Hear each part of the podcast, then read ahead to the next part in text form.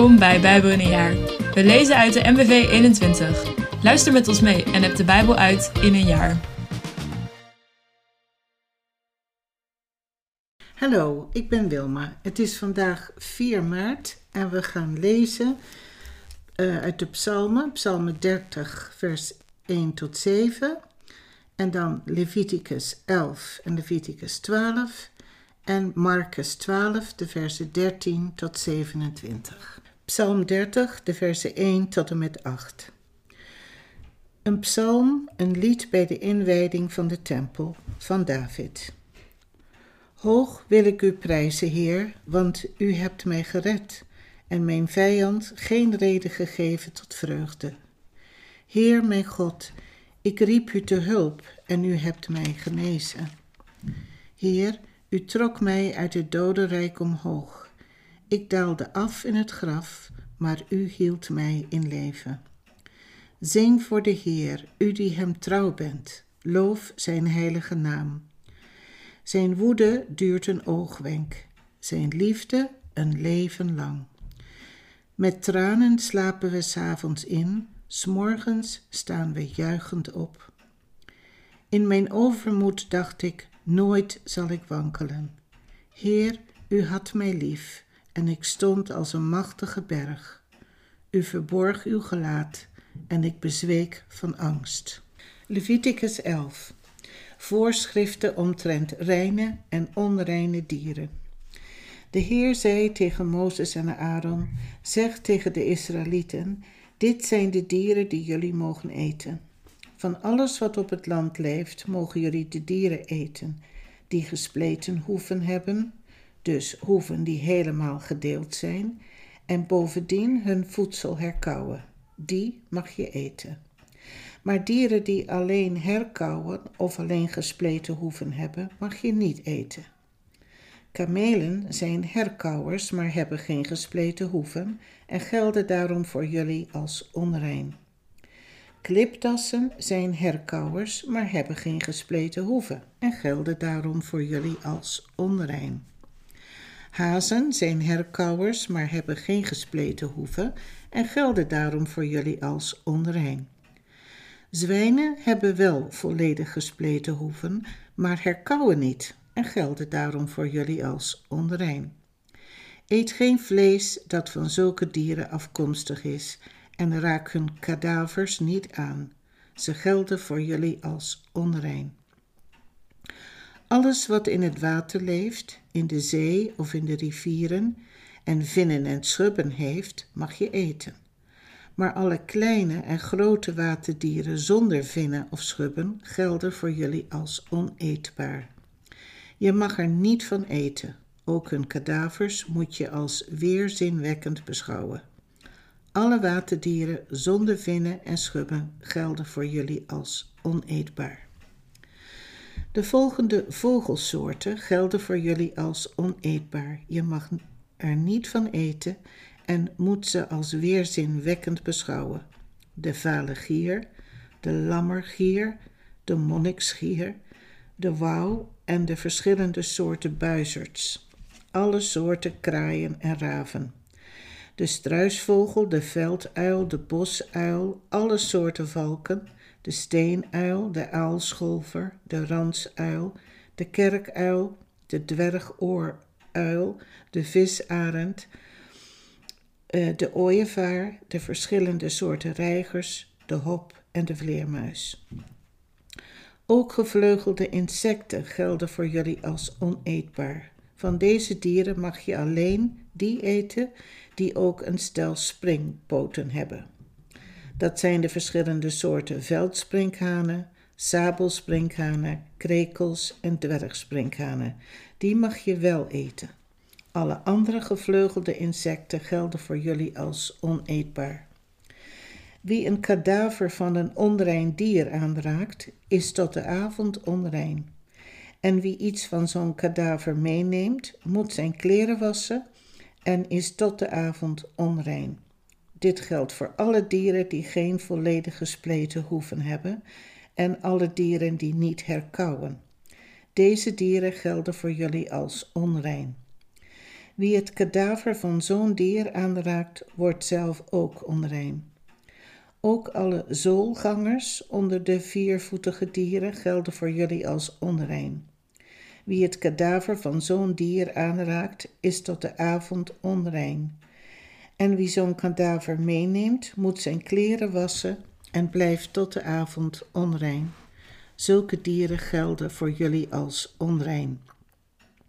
Van de kruipende dieren gelden de volgende voor jullie als onrein: blindmuizen, ratten en muizen, de verschillende soorten padden, gekko's, varanen, hagedissen, skinken en chameleons. Deze kruipende dieren gelden voor jullie als onrein. Wie het kadaver ervan aanraakt, is tot de avond onrein. En alles waarop het kadaver van zo'n dier wordt aangetroffen, is ook onrein. Houten, stoffen, leren of geitenharen gebruiksvoorwerpen die hierdoor onrein zijn geworden, moeten in water worden ondergedompeld. Ze blijven tot de avond onrein en daarna zijn, zijn ze weer rein. Wanneer zo'n kadaver in een aarden kruik wordt aangetroffen, is de inhoud onrein. De kruik moet worden stukgeslagen. Voedsel in een vat waarop zo'n kadaver is aangetroffen is onrein wanneer het met water in aanraking is geweest. Drank in zo'n vat is in alle gevallen onrein. Ook al het overige waarop het kadaver van een onrein dier wordt aangetroffen is onrein. Ovens en kookstellen die met zo'n kadaver in aanraking zijn geweest, zijn en blijven onrein en moeten worden stukgeslagen. Een bron of een waterput echter blijft rein als er een kadaver van een onrein dier in aangetroffen wordt, maar ieder die dat kadaver aanraakt is onrein. Als zo'n kadaver op zaaigoed gevonden wordt, blijft het zaad rein, maar als het wordt gevonden op zaad dat in water staat, geldt dat zaad voor jullie als onrein. Als een dier dat gegeten mag worden dood gevonden wordt en iemand raakt het kadaver aan, is hij tot de avond onrein.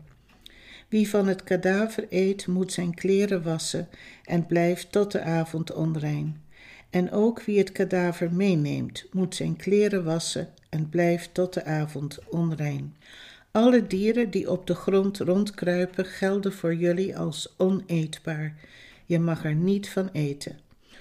Of ze nu op hun buik kruipen, op vier poten lopen of veelpotig zijn, je moet ze als weerzinwekkend beschouwen en mag ze niet eten. Jullie mogen jezelf niet verontreinigen met deze kruipende dieren. Je mag je niet met zulke dieren verontreinigen en zodoende onrein worden. Ik ben de Heer, jullie God. Jullie moeten heilig zijn. Wees heilig, want ik ben heilig. Verontreinig jezelf niet met dieren die op de grond rondkruipen. Ik ben de Heer, die jullie uit Egypte heeft geleid om jullie God te zijn. Wees heilig, want ik ben heilig. Tot zover de voorschriften omtrent de dieren die op het land leven, de vogels, alle levende wezens in het water en alle dieren die over de grond kruipen. Er moet onderscheid worden gemaakt tussen wat rein is en wat onrein, en tussen dieren die wel en dieren die niet gegeten mogen worden. Leviticus 12. Voorschriften omtrent de kraamvrouw. De Heer zei tegen Mozes: Zeg tegen de Israëlieten: Wanneer een vrouw een kind baart en het is een jongen, blijft ze zeven dagen onrein. Ze is dan op dezelfde manier onrein als tijdens haar menstruatie. Op de achtste dag moet het kind besneden worden. Daarna duurt het nog 33 dagen voor ze rein is, na haar bloeding bij de bevalling. Tijdens deze periode mag ze niets aanraken dat heilig is en mag ze het heiligdom niet binnengaan. Wanneer ze een dochter baart, blijft ze veertien dagen onrein. Ze is dan op dezelfde manier onrein als tijdens haar menstruatie.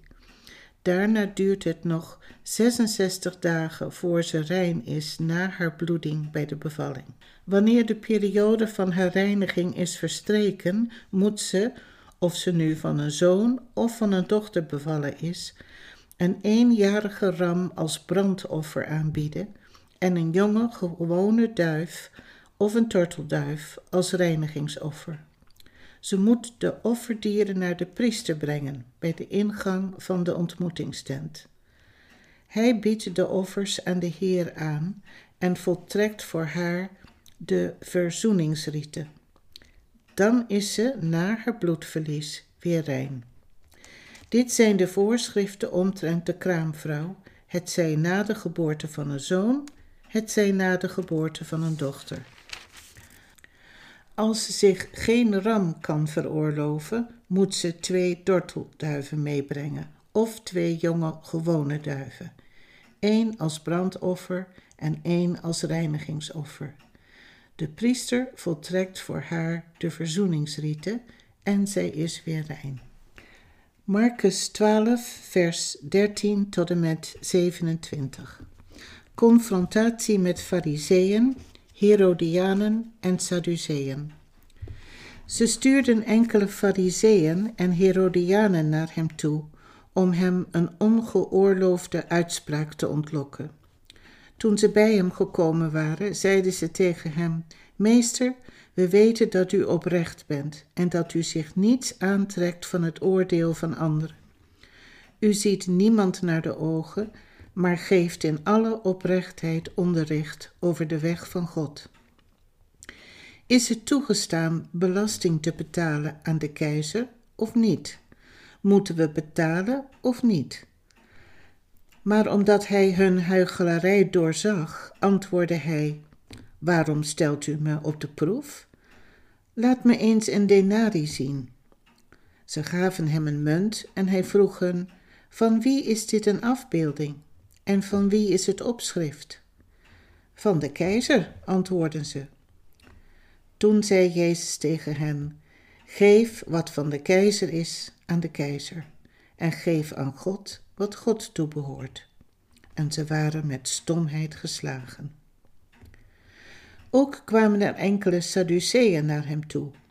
Sadduceeën beweren dat er geen opstanding uit de dood is, en ze vroegen hem: Meester, Mozes heeft ons het volgende voorgeschreven. Als iemand sterft en een vrouw achterlaat, maar geen kinderen, moet zijn broer die vrouw bij zich nemen en nakomelingen verwekken voor zijn broer. Er waren eens zeven broers. De eerste nam een vrouw en stierf zonder nakomelingen. De tweede nam haar tot vrouw, maar stierf ook zonder nakomelingen. En met de derde ging het net zo. Geen van de zeven kreeg nakomelingen. Het laatst van allen stierf de vrouw. Wiens vrouw zal ze dan zijn bij de opstanding, wanneer ze opstaan uit de dood? Alle zeven zijn ze immers met haar getrouwd geweest. Jezus antwoordde: Dwaalt u niet? U kent de schriften niet en de macht van God evenmin. Want wanneer de mensen uit de dood opstaan, trouwen ze niet en worden ze niet uitgehuwelijkt, maar zijn ze als engelen in de hemel. Wat betreft de opwekking van de doden, hebt u in het boek van Mozes, in het gedeelte over de doornstruik, niet gelezen dat God tegen hem zei: Ik ben de God van Abraham, de God van Isaac en de God van Jacob. Hij is geen God van doden, maar van levenden. U dwaalt vreselijk. Dag allemaal, fijne dag verder. Bedankt voor het luisteren allemaal. Nog een gezegende dag en tot morgen.